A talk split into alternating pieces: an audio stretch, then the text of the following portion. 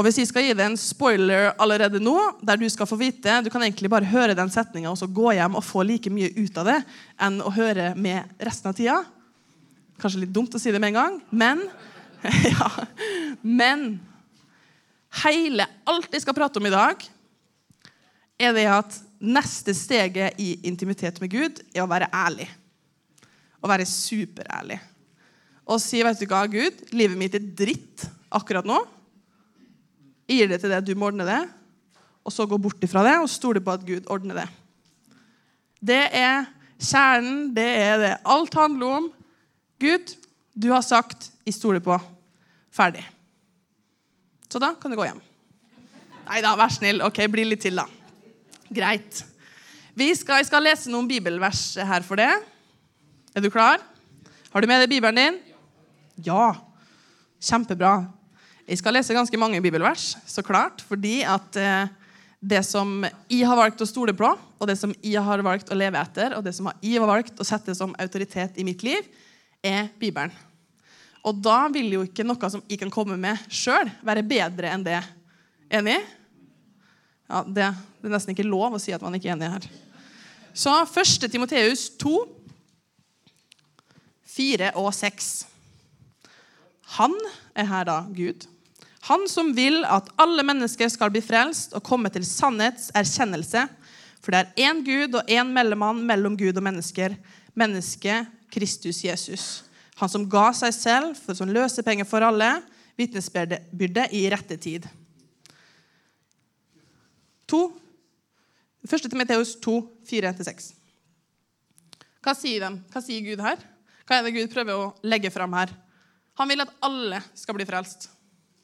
I dag er the day of salvation. Det er frelsens dag i dag. Enig? Og frelsens dag, det er helbredelse, det er frihet, utfrielse. At vi blir satt tilbake i det forholdet som vi skulle være i med Gud. Det vil Gud at alle skal få oppleve. Hvis vi går videre til Romerbrevet 10, vers 9 og 10 så står det For dersom du bekjenner Herren Jesus med din munn, altså at Jesus er herre i livet ditt, og tror i ditt hjerte at Gud har oppreist ham fra de døde, så skal du bli frelst. For med hjertet tror en til rettferdighet, og med munnen bekjenner en til frelse. Her er det man kaller for liksom oppskrifta til å ta imot. sant? I hjertet sitt så velger man vet du hva, Jesus er herre. Det Jesus har sagt, er sant. Det Jesus har gjort, er godt nok. Og med munnen så bekjenner man. Så sier man det man tror og sier. Og det er frelse. Som vil si at når du sier 'Herre, jeg tror at du kan helbrede meg', og jeg stoler på at du gjør det, så tror du til frelse. Og i frelse så ligger helbredelse og utfrielse og at man blir gjort rettferdig eller får en rett stilling for Gud. Sant? Så går vi videre til Johannes 3, 14. Johannes evangelium 3, 14.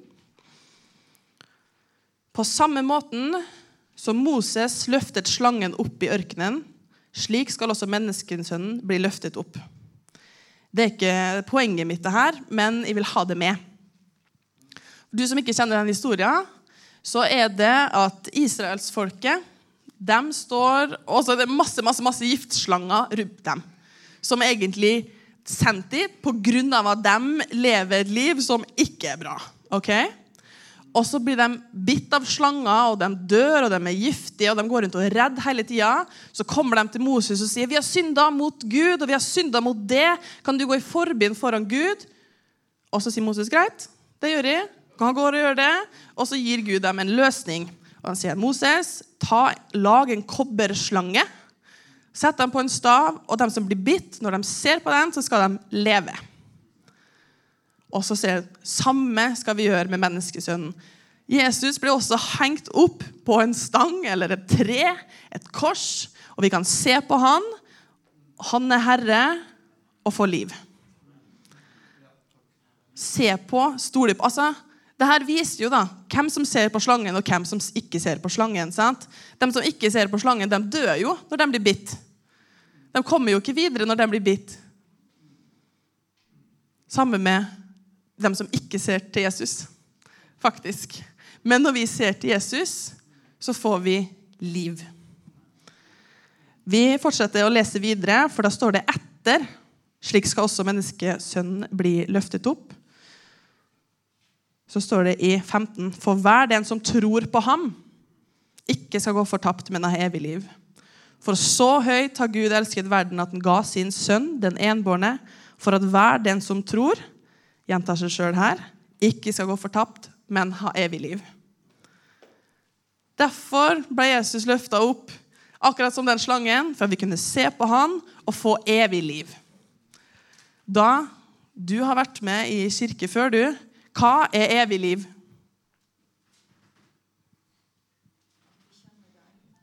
At man kjenner Jesus. Det står i Johannes 17, 17,3. Og dette er det evige livet. At de kjenner deg, den ene og sanne Gud og Jesus Kristus, han som du har utsendt. Og Hele poenget mitt med å dra fram alle de her bibelversene og det er mange mange flere som leder til og som viser til akkurat det samme, er jo at Gud vil at alle skal bli frelst. At alle skal bli helbreda, at alle skal møte Han, at alle skal se og fokusere på Jesus, og at alle skal ha evig liv, som er å kjenne Gud. Å få evig liv det begynner ikke med at du dør her og så kommer til himmelen. Det er ikke det som er evig liv. Evig liv er å kjenne Gud. Og når du kjenner Gud, når du ser på Han, så får du det og så begynner det Den dagen du tar imot Jesus, så begynner evig liv, og så fortsetter det bare. Er vi enige? Veldig bra. Det er veldig bra når folk er enige. For det betyr at du i hvert fall tenker at ja, det her må jeg forstå. For det her er en sånn greie som er, det er så lett, og det er så vanskelig. Og jeg tror at hver gang jeg preker, så ender jeg opp med å si det. Det er så lett, men så vanskelig. Fordi vi må bare bestemme oss for at sånn er det. Uansett hva jeg føler, uansett situasjon, uansett depresjon, uansett angsten, så er det sånn her, det skal jeg leve på stå på. Ferdig. Og så må vi jo fortsette å leve sånn. Gud vil ikke bare at du skal bli frelst og så stoppe der. Han vil at du skal bruke tid med han, bli kjent med han. Og så begynner vi å gå inn på det som jeg sa var poenget mitt. Og så vil han at du skal bli enda nærmere han så nærme at du kan være ærlig med Gud. For det er en greie å bli kjent med Gud. og Sammen når vi møttes for første gang, så begynner det jo Hei, og ja, jeg heter Ester, og du heter Per, og du heter Og så begynner man å bli mer og mer kjent. Og så er det nesten som en sånn milestein i et forhold der man kan si Vet du hva, jeg har det ikke så bra, i. Du sier jo ikke det til noen du ikke kjenner. Du snakker jo ikke om frykta di til noen du ikke kjenner. Kanskje du sier ja, jeg er redd for edderkopper. Men du snakker jo ikke om jeg er så redd for å bli forlatt. Eller jeg er så redd for at de her ikke skal godta meg. Du snakker ikke om sånne ting til folk du ikke er nær med.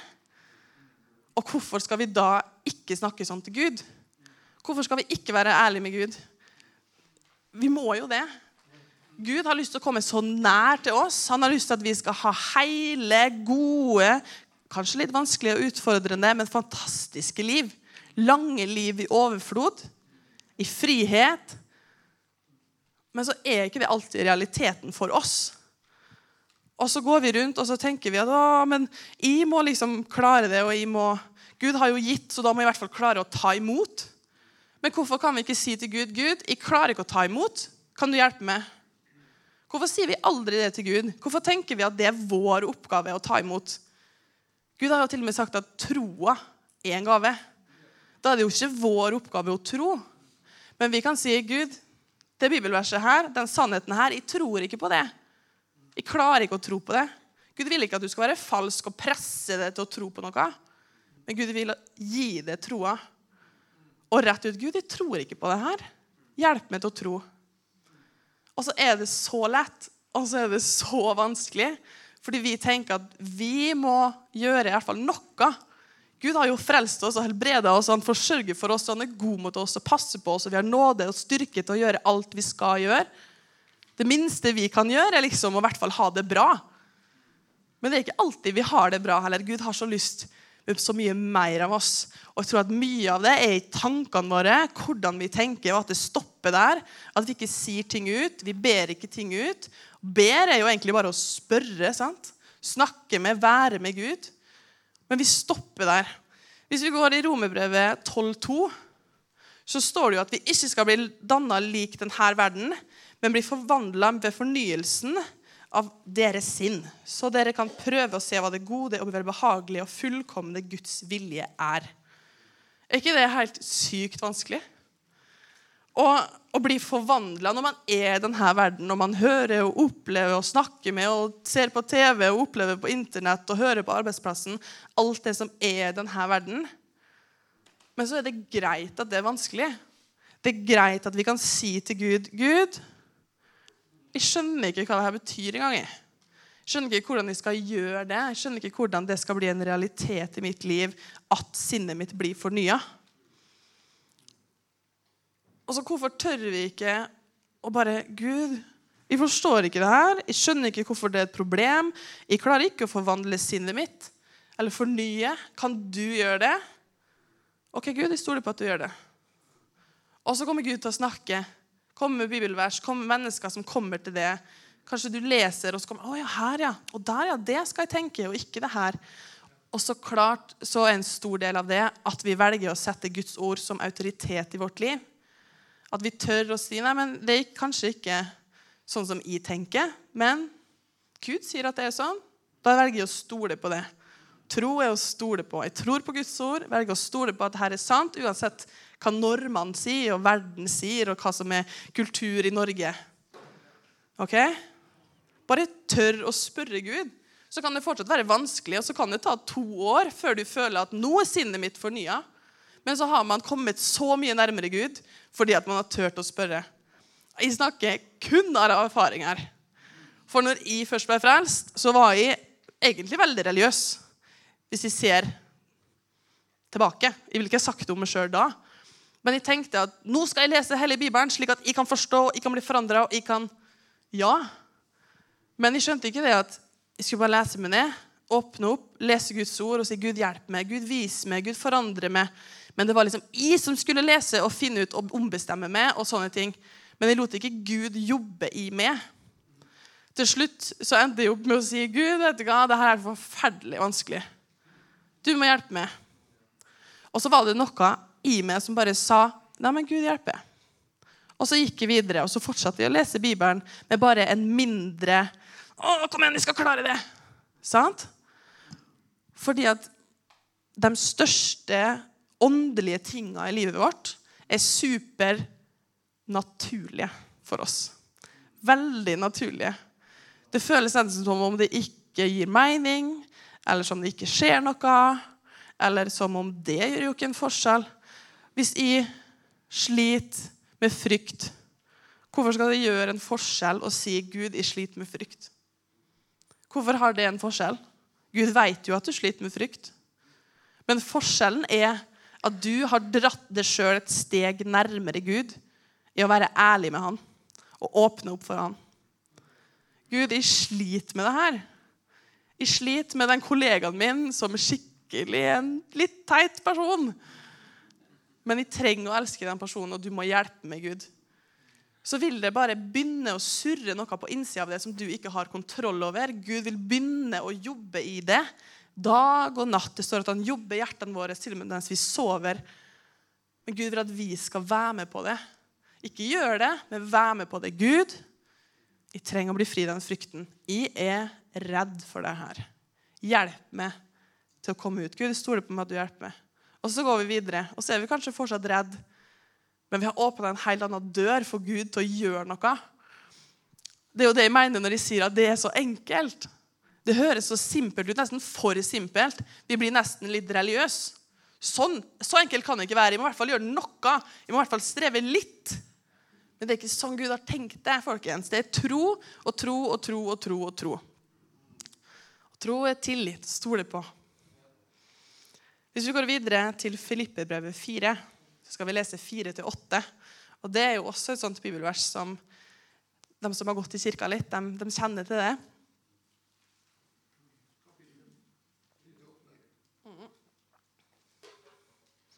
Filippebrød 4, 4-8. Gled dere i Herren alltid. Og igjen vil jeg si, gled dere. La deres milde sinnelag bli kjent for alle mennesker. Herren er nær. Vær ikke bekymret for noe, men la i alle ting deres bønneevner komme fram for Gud i bønn og påkallelse med takksigelse. Og Guds fred, som overgår all forstand, skal bevare deres hjerter og deres tanker i Kristus Jesus. Ta vare på det gode. For øvrig, søsken, de ting som er sanne, de ting som er av god moral, de ting som er rettferdige, de ting som er rene, de ting som er verdt å elske, de ting som tales vel om, og om det er et ærbart liv, om noe er verdt å bli rost, så legg dere alt dette på sinne. Dette er jo helt sykt vanskelig. Det er jo kjempevanskelig. Kanskje en del av livet ditt så til glede alltid. Ja, ho, det skal jeg klare. Ikke noe problem. Fordi du er egentlig glad. Men hvis du er i en situasjon der du er deprimert, så er jo dette det verste bibelverset du kan høre i hele Bibelen. Sant? Og Vi alle går opp og ned, og vi har alle vært igjennom ditt og datt og frykta depresjoner og glede og feiring. og Alt har vi gått igjennom, og kommer til å gå igjennom resten av livet. Og så er det bare så vanskelig. Gud, glede? Glede, Skal jeg glede meg? Hva jeg skal glede meg for? Jeg er jo ikke glad. Men så har vi lov til å si vet du hva, Gud, jeg er ikke fornøyd med livet mitt. Jeg er ikke glad. Kan du hjelpe meg til å bli glad? Altså, Vi har lov til å klage til Gud. Vi har lov til å være ærlig med Gud. Det er ikke noe problem, det. Gud blir bare glad for det. han. Gud er ikke fornøyd. Jeg er ikke fornøyd med jobben min, jeg er ikke fornøyd med livssituasjonen min. Ikke sikkert det er livssituasjonen din han kommer til å forandre. Kan hende det er din holdning. Men det at man er ærlig, det er der det begynner. Det er så mye dypt bare i den setninga med å være ærlig. Men så må vi velge å trø inn i det og tørre å være ærlig med Gud. Kanskje la deres milde sinnelag bli kjent for alle mennesker. Jeg har ikke alltid et mildt sinnelag. det kan Man si. Man er sur og irritert og klager. Og ja, så Alle har sikkert hørt meg klage. Men er det ikke lov å ja, Takk. Han var bare Nei, aldri. Veldig bra. Men da må det være greit for meg å si Gud, vet du hva Altså, Jeg blir sur og jeg blir irritert, og jeg har ikke lyst til å bli det. Kan du hjelpe meg Kan du hjelpe meg ut av den situasjonen? For jeg skjønner at det er jeg som er problemet her. Jeg skjønner at jeg som ikke skal være irritert, ikke den andre personen eller den tingen som skjedde. Eller vær ikke bekymra for noe. Ja, Det er temmelig lett når du har mange ting å være bekymra for. Når du har 14 eh, barn og du har akkurat mista jobben og det er vannlekkasje i kjelleren, ja, da er det lett å ikke være bekymra for noe. Nei, Gud, jeg er bekymra. Jeg er redd for at huset skal dette sammen, og at alle barna mine skal flytte til hver sin ende av jordkloden og aldri høre fra ham igjen. Men så er det greit å si det til Gud. Og som en Gud, jeg stoler på at du fikser den vannlekkasjen, og du sender folk som kan hjelpe meg, og du passer på barna mine uansett hvor de er. Det er så greit å si, og så er det bare å være ærlig. Og så er det mange som tenker når de snakker sånn her, at ja, ja, lett for det å si. Ja, det er kanskje det. Men det er fordi at jeg har holdt på sånn her et par år nå. Og sier Gud, vet du hva Jeg er ikke sånn superfornøyd med at du sendte meg hjem, egentlig. Til Fræna. Sant? Etter tre år i hele verden. Men så må det være greit å si det til Gud. Men så må jeg også, det må komme med del to. Gud, jeg er egentlig ikke så veldig fornøyd med å være her. Det er her et år siden også. Bare slapp av. Jeg er fornøyd nå. Men jeg stoler på at du har satt meg her med en grunn. Jeg stoler på at det er noe av den sesongen her som jeg trenger å lære. Noe som jeg kan bringe til dem som er her. Og det stoler de på det. Og så kan jeg fortsatt gå rundt og tenke at åh, jeg skulle heller ha vært eh, der og der og der. Og, eller Det hjelper jo ikke det. Nå er jeg her. Gud kalte meg hjem ganske tydelig. Gud sa Ester, dra hjem. Erlend ringte Ester. Nå er det på tide at du kommer hjem. Da sa hun så klart yes, OK. Litt lenger enn det, da. Nei.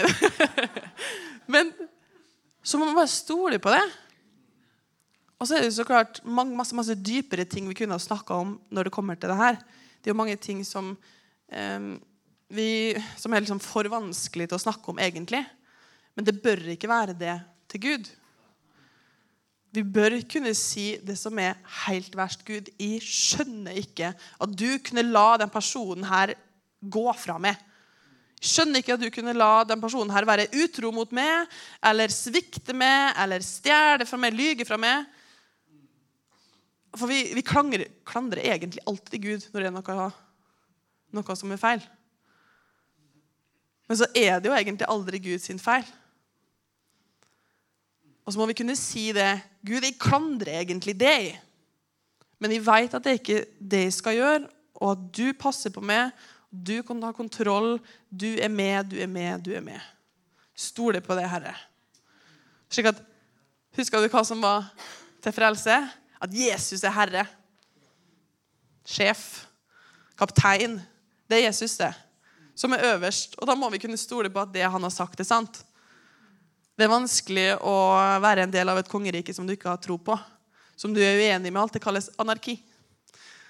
Og det vil vi jo ikke være i. Vi vil være enige. Og så er det så enkelt at vi bare kan spørre Gud. Hva med denne regla, da? De ting som er sanne, de ting som er av god moral, de ting som er rettferdighet. Alt det her skal vi tenke på hele tida. Det skal vi legge på sinne. Ja, det gikk jo bra. Når vi har sett den og den filmen og den og den serien og fulgt med på den og den bloggeren og alt det her som står i avisa som bare er Det er jo kun umoral og ting som ikke regner, men skitne, og ting som er helt borte fra det som står her. Ja, men Gud, jeg skjønner ikke hvordan det her skal gå. Annie. Hjelp meg å skjønne det. Hjelp meg å komme dit. Og så fortsetter du å leve livet ditt. Og så sier jeg ikke at du skal slutte å se på TV og slutte å lese aviser. Men så tror jeg det at når du har sagt 'Gud, hjelp meg' Jeg skjønner ikke det her, jeg skjønner ikke hvor det skal gå an, men jeg spør det. Hjelp meg å vise meg det som er sant, og det som er god moral, og det som er rettferdig og rent og verdt å elske. Så vil du plutselig sitte og se på en filmscene og tenke 'Å, det kan jeg ikke se på'. Den filmen må vi skru av. Og så hjelper Gud det sånn. For hele livet ditt er en prosess som alltid vil styres av det du tør å spørre Gud om. Gud har sagt at når vi ber, så det så det, gir det en mening. Altså, det gjør en forskjell. Det er kraftig. Det, er, det gjør noe. Og det må vi jo i hvert fall stole på. Ingenting er umulig for Gud, men også sagt at ingenting er umulig for den som tror. Så hvis jeg tror at når jeg gir det her til Gud, så gjør han noe med det, så er jo ikke det umulig. Og så er det kjempelett og kjempevanskelig. Hva hvis vi går lenger ned da, til vers 19? Filippebrevet vers 19. Og min Gud skal etter sin rikdom fylle alle deres behov i herlighet i Kristus Jesus. Det er jo fantastisk. Men hvor ofte føles det som en realitet i livet vårt? Hvor ofte føler du at absolutt alle av dine behov er møtt? Altså, ja, så har du jobb, men så mangler du vennskap. Ja, men så har du vennskap, og så mangler du jobb. Og så alle ting som du kan tenke på. Er sikker på at vi kan komme på at ja, men de har et behov vi som ikke er møtt. Så det er lov til å si til Gud Gud, mine behov er slettes ikke møtt. Og det her har du lovt at du skal gjøre. Ut ifra din rikdom så skal du fylle alle våre behov. Men vi er skuffa over at du ikke har møtt dem. Og så kommer del to. Men jeg stoler på at det du sier, er sant og du kommer til å gjøre det, og at kanskje ikke alle behov som vi har, er behov vi behøver å ha. Kanskje det er ikke alle ting som det er meint at vi skal få, eller ikke alle som skal være millionær, det er ikke alle som skal være lege, det er ikke alle som skal liksom finne den store ting. Altså, det er så mange ting. Men det er ikke alle ting som det er meninga at vi skal ha. Og så må vi stole på at Gud han gir oss det han vet at vi trenger, det som er godt, det som vi virkelig har behov for. Ganske sikker på at behov ikke betyr rød sportsbil. Sant? Ganske sikker på at det betyr fred og glede og forsørgelse og frelse, helbredelse, frihet. Og Gud gir de her behovene. Han fyller dem. Han har skapt oss med dem, og han vil gi oss til dem.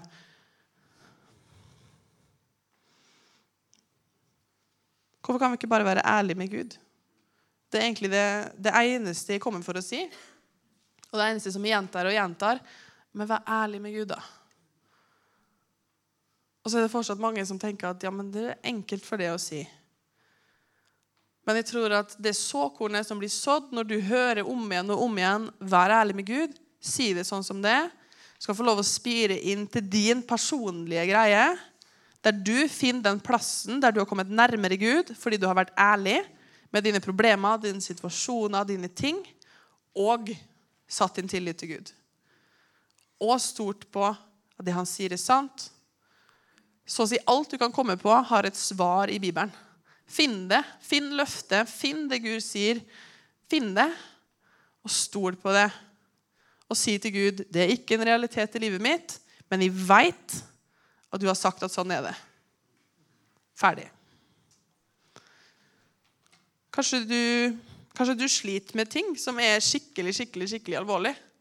Altså, Jeg kan virkelig ikke gi deg et svar på det. Så det jeg prøver å gi til det, er spørsmålet der du tør å gå til Gud. Jeg klarer ikke å gi deg ti steg på å komme ut av, eh, av angst eller frykt eller sykdommen du har, eller Ja, vi ber. Det er det Gud sier at vi skal gjøre. Vi kan legge det fram. Alle ting med takksigelse foran Gud. Gud, jeg har slitt med kneet mitt i 20 år. Hvorfor blir det aldri bra? Men du har sagt, takk for at du har sagt at alle mine sykdommer er helbreda i dine striper. Alt har du betalt for på korset. Og så er vi ferdig med det. Og så fortsetter vi å ber og gir aldri opp. Og gir det hver dag til Gud. Det viktigste Gud gjør i de her spørsmåla, er ikke alltid å ta bort situasjonen din eller løse problemet ditt, men å fylle hjertet ditt og dra det nærmere intimitet med Gud. Som er det viktigste av alt. Fordi det er evig liv. Å kjenne Gud. Jeg var i Oslo for et par uker siden. Og da møtte jeg en venninne som jeg har bodd sammen med i et år, i Distribution. Og hun, når hun kom inn der, så var hun egentlig ganske ødelagt, kan man si. Jeg har lov å snakke om det her. Jeg har spurt henne, forresten. Og bare hun har opplevd kjempemye dumme ting. Hun har jeg skal ikke gå inn på akkurat hva, men hennes barndom, hennes oppvekst, der hun har vært, de vennene hun har hatt Alt har vært misbruk, og alt har bare vært elendighet. Og så har hun blitt kristen og gitt livet sitt til Gud. Og så har hun begynt i misjonsarbeid og preke evangeliet og se folk bli, bli helbreda og frelst. Og, men så har hun fortsatt sånne sår på innsida som hun ikke gir til Gud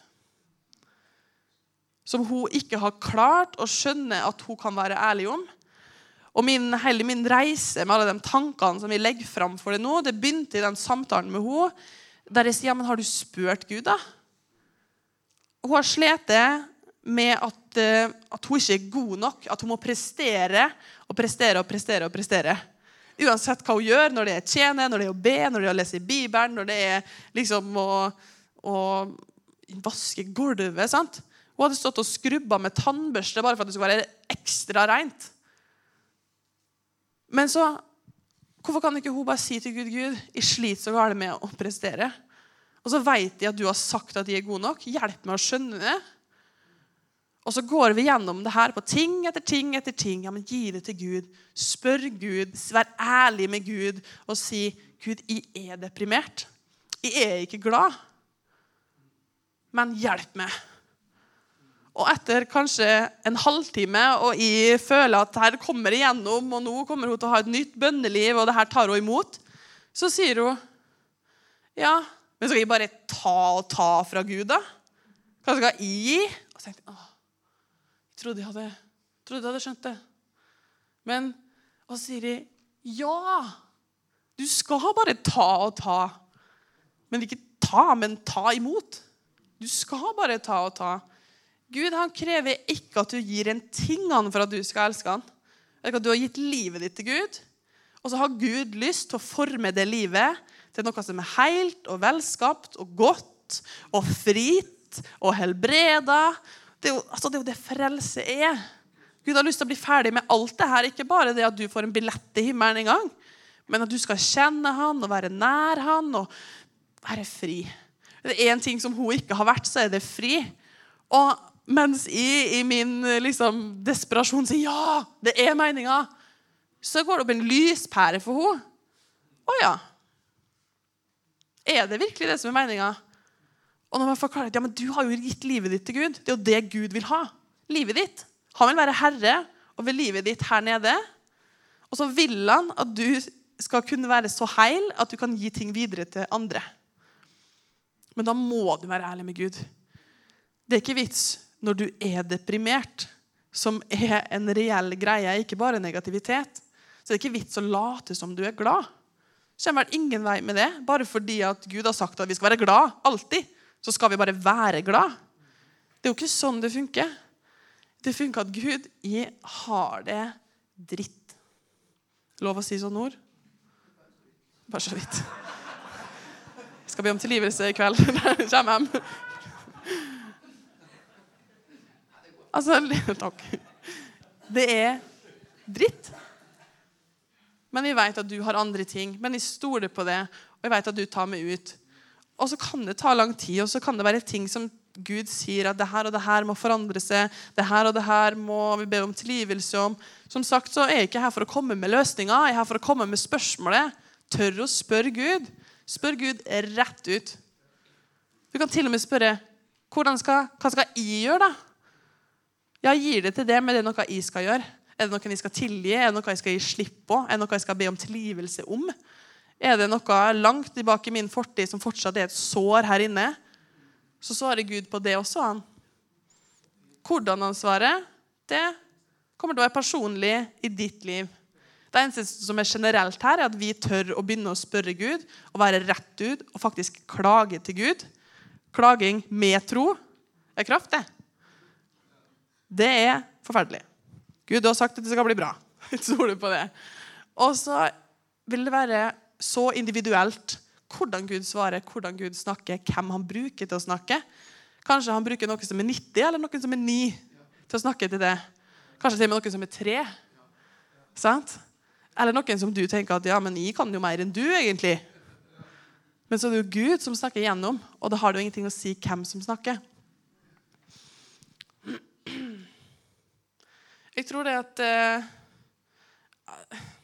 At det er vanskelig for oss, rett og slett. Fordi at det er så lett. Så blir det liksom litt sånn ekstra vanskelig fordi at det er så lett. Men Gud har sagt at vi skal legge hendene på de syke. Ja, men så gjør vi det, da. Kan gjøre det etterpå. Og så vil jeg også lese et par eh, bibelvers til. Jeg skal bare, jeg tror jeg bare skal si dem fort. For i første Johannes brev 2,6 så står det at vi skal vandre som Gud. Hvis noen sier at han er i Jesus, vandre som Jesus. Sant? Efeserbrevet 5,1 sier at vi skal bli etterfølgere av Gud. I 1. Korinterøv 11,1 så sier Paulus at vi skal følge han slik som han fulgte Jesus. Har du lest hvordan Paulus fulgte Jesus? Han ga ganske mye opp for å være akkurat sånn som Jesus. For å gjøre det, for å preke evangeliet og be for syke og bringe fred og frihet til dem rundt seg. Og Bibelen fortsetter å si mange mange ting som er menneskelig sett helt, helt umulig for oss. Men igjen så er det ingenting som er umulig for Gud, Ingenting er mulig for den som tror, stoler på Gud. Jeg vil bare si at det er helt OK å spørre Gud. Jeg skjønner ikke hvordan i all verden jeg skal kunne be for noen som er syke, og dem skal bli helbreda. Og så kommer Gud til å gi deg troa når du sier har ikke tro til det'. Men gi meg den troa. Jeg har ikke frimodighet, men gi meg frimodigheten. Jeg har ikke medlidenhet, egentlig. Jeg har det godt i mitt eget lille liv uten at jeg når noen andre. Men Gud, jeg har lyst til å bry meg om andre. Jeg har lyst til å se at andre blir helbreda, og få møte det og bli gjenforent med det. Men jeg bryr meg egentlig ikke. Det er sikkert mange som realiterer det, som ikke tør å si noe. Der var jeg. Jeg står der midt i Jesus Revolution, og alle er liksom så satt i brann for Gud og preker evangeliet hver gang de går på butikken og ber for syke hele tida. Og så sitter de og tenker Det jeg bryr meg om, er egentlig at jeg får se noe kult. Ikke om dem, sånn egentlig. Hvis jeg skal ransake hjertet mitt sånn kjempedypt, så er det ikke sånn egentlig dem jeg bryr meg om. Jeg bryr meg om å få se hva Gud kan gjøre. Men jeg sier, det er jo ikke bra. Så sa jeg det til Gud. Gud, jeg har ikke medlidenhet for mennesker. Men jeg vil ha det. Vi ser her at Jesus hadde så medlidenhet at han mata 5000, at han helbreda syke og prekte evangeliet overalt hvor han gikk. Gud, jeg vil ha den medlidenheten som du har. Og så begynner Jesus å jobbe i oss. Og så har jeg gang på gang opplevd at å, hvis hun bare hadde skjønt sant? Å, hvis hun bare hadde fått oppleve Så har den medlidenheten kommet etter hvert. Det tok et par år. Hvor jeg kunne si at med hånda på hjertet at jeg bryr meg om at den personen skal møte Jesus.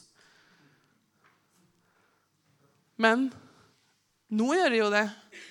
Men det er ikke sikkert jeg hadde kommet til å bry meg så mye hvis jeg ikke hadde spurt Gud og sagt til Gud du, jeg bryr meg ikke. Det er helt feil, og jeg vet at det er feil, men jeg bryr meg ikke. Det er meninga vi skal bry oss om andre, men det var ikke en realitet i livet mitt. Kanskje det er meninga at du skal være frisk og rask og helbreda, men det er ikke en realitet i livet ditt. Men Gud, du har sagt at du har allerede gitt oss helbredelse. Da ber vi for syke. Da fortsetter vi å be for syke, og fortsetter å be for oss sjøl. For vårt eget kne, som har vært ødelagt i 20 år. For våre egen foreldre, for våre egne barn. Så fortsetter vi å be fordi vi har valgt når vi har sagt 'Jesus, du er herre i livet mitt', at hans sitt ord er autoritet over vårt ord. Og det han tenker, er autoritet over det vi tenker. Og så må vi gi rom for Gud. Gud, jeg tenker ikke som du, men jeg har lyst til å tenke som du. Gud, jeg elsker ikke det, men jeg har lyst til å elske det. Gud, jeg elsker ikke naboen min, men jeg har lyst til å elske naboen min.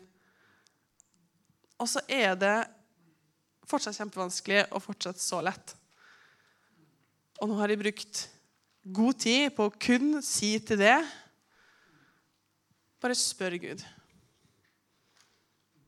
Bare spør, bare vær ærlig. Alltid vær ærlig. Når ting er fantastisk. Gud, jeg har det helt utrolig bra. Takk for det. Eller noe omvendt. Gud, jeg har det helt forferdelig dårlig. Men takk for at du er med når det er vanskelig, og at du snur og endrer, og at de kan stole på det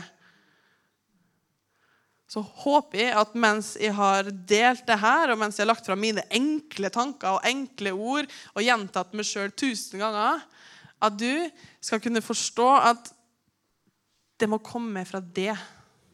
Det må være din personlige overgivelse til Gud. Din personlige ærlighet med Gud. Gud, når jeg slet med det her i 15 år Nå er det nok. Du har sagt at jeg er helbreda. Hvorfor er jeg ikke det? Gud, jeg har slitt med denne indre stemmene som alltid trykker meg ned. I mange, mange år. Og sånn skal det ikke være. Takke deg for at du har en løsning. Gråt og klag og syt. Men la oss alltid ende i tro og takknemlighet og tilgivelse. Heier dere på? Er dere med? Vil du i din personlige tid med Gud bare tenke gjennom Gud. Hva er det som jeg egentlig ikke tør å si til deg? Hva er det jeg burde ha sagt til deg? Hvilke behov har jeg som jeg ikke er møtt, som jeg kan gi til deg? Vi skal ta en sang nå, og jeg vil at du skal være ærlig med Gud. Jeg vil at du skal være så ærlig at hvis du ikke har medlidenhet, du ikke elsker Gud, og du har en sykdom og du hater noen andre Sterke ord, jeg vet, men vær ærlig med Gud. vet du hva? Jeg er rett og slett imot denne personen. Men du må ta bort det fra hjertet mitt. Hjelp meg. Og så stoler vi på Gud. Og så ber jeg til Gud om at det her skal være en ting som sitter igjen hver gang du snakker med Gud. At du rett ut bare kan si Gud, jeg syns ikke at de er bra nok. Jeg syns ikke at de er fine nok, høy nok, tynn nok, tjukk nok, lav nok. Uansett hva som er problemet som du kjenner på. Gud, det er et problem som jeg sliter med, den tanke som jeg sliter med, gir det til det. Og jeg stoler på at du endrer mitt perspektiv av det. For det er ikke det det ene problemet i den forstand. Det er tankene vi har om oss sjøl. Herre, jeg bare ber om at hvert enkelt menneske som har hørt de ordene her, Herre, skal få kjenne den forandrelseskraften som du har i dem, Herre. Takk, Herre, at det handler ikke om hva jeg har sagt og ikke sagt, eller Herre, hva jeg har pekt på og ikke pekt på, men det handler om hva du har jobba i hjertet, Herre. Herre, vi stoler på det at du har jobba i hvert enkelt hjerte. Herre, jeg veit at ord kan virke simple, men fortsatt ha kraft, Herre. Stole på, Herre, at du skal fortsette å minne dem på og spørre det og være ærlig med det, Herre. For så å komme til et større intimitet hos deg, Jesus. Takk for at du elsker hvert enkelt menneske her. Takk for alle situasjoner, takk for alle sykdommer, takk for alle behov som ikke er møtt, Herre. Takk for at du har en plan. Takk for at du berører, Herre. Herre, takk for dem som ble truffet når vi snakka om frykt og depresjon, Herre. Du setter fri fra det Jesu navn. Takk for at de skal få lov å være ærlige med det og si at livet ikke er bra. Så kunne trekke seg nærmere det, så du kan trøste dem, Herre. Herre, takk for dem som føler seg truffet når det gjelder sykdom, Herre. Og du bringer bare tro og håp om helbredelse. Nok til å kunne si 'Kan du be for meg?' Gud, helbred meg. Nok til å kunne sette ned foten. Gud, jeg bare takker deg for at du skal fortsette å jobbe i oss, Herre. At du skal bruke de ordene her som et såkorn som kan vokse og vokse og vokse til hver individuelle plante som vi har, Herre. Vi bare priser og ærer deg, Jesus, at du er herre over vårt liv. Du er herre over våre tanker og våre følelser. Herre. Jeg bare ser for meg at det er noen som på en måte har nesten en litt sånn garnnøste av liksom mørke i hjertet. At det er liksom så mange løse tråder at man så vidt veit hva som er problemet lenger. At det er den samme personen som jeg har kjent på gjennom hele prekena, som har tenkt ja, men det er lett for det å si. Gud, jeg ber om at du bare skal vise fram hvilken tråd man skal dra i, Herre, for å få løst opp den floka i Jesu navn. Takk for at du ser, Herre, hvert enkelt fiber i hele det garnnøstet til å gi det lys og glede og fred igjen, Herre. Takk, Jesus. Takk, Jesus. Ser et eh, timeglass uten sand. Dere som føler det at uh, alt står bare helt stille. Tida går ikke videre. Alt blir det samme, og at man syns det er ufattelig kjedelig at det ikke er forandring. Vet hva? Gud har eventyr for det. Gud har nye ting. Gud har frihet. Gud har sand til det timeglasset, slik at du kan føle at det hver dag har viktighet. At livet ditt står ikke fast, men det fortsetter å gå og går og går. Takk, Herre, for frihet. Priser deg, Jesus. Priser deg, Jesus. Vi kan eh, reise oss opp. Og så oppmuntre jeg til å gi den stunda her til Gud. Og kunne si at eh, Gud, det her behovet, det her problemet, det her og Bare spør og spør og spør. Om Gud fiks det, Gud hjelp meg, Gud, jeg stoler på det. Hvis du syns det er vanskelig, hvis du er en av de her bildene, så kom fram, så har vi lyst til å be for det. Hvis du sliter med sykdom, så har Gud sagt at du er helbreda. Vi har lyst til å be for det for å se at det skal bli en realitet i livet ditt. Hvis du føler deg fanga, så ta imot. Tør å ta imot. Gud har også sagt at vi kan legge hendene på de syke, og de skal bli friske. Det er et løfte som Gud har sagt. Bare oppmuntre deg til å virkelig overgi det mens vi, mens vi synger til Gud. Hvis du trenger å sitte stille og bare lukke øynene, så gjør det. Her kan du gjøre det du vil. Men hvis du virkelig kjenner det at du trenger bønn, og du trenger at noen andre hjelper deg, at du er så fanga i det garneste at du trenger at noen andre kommer og drar i en tråd, så er vi her for det. Om du ikke har lyst til å si hva det handler om engang, så er det helt greit. Det er Gud som ser, det er Gud som jobber, det er Gud som snakker. Alltid. Så bare gir vi den stunda her til Gud nå.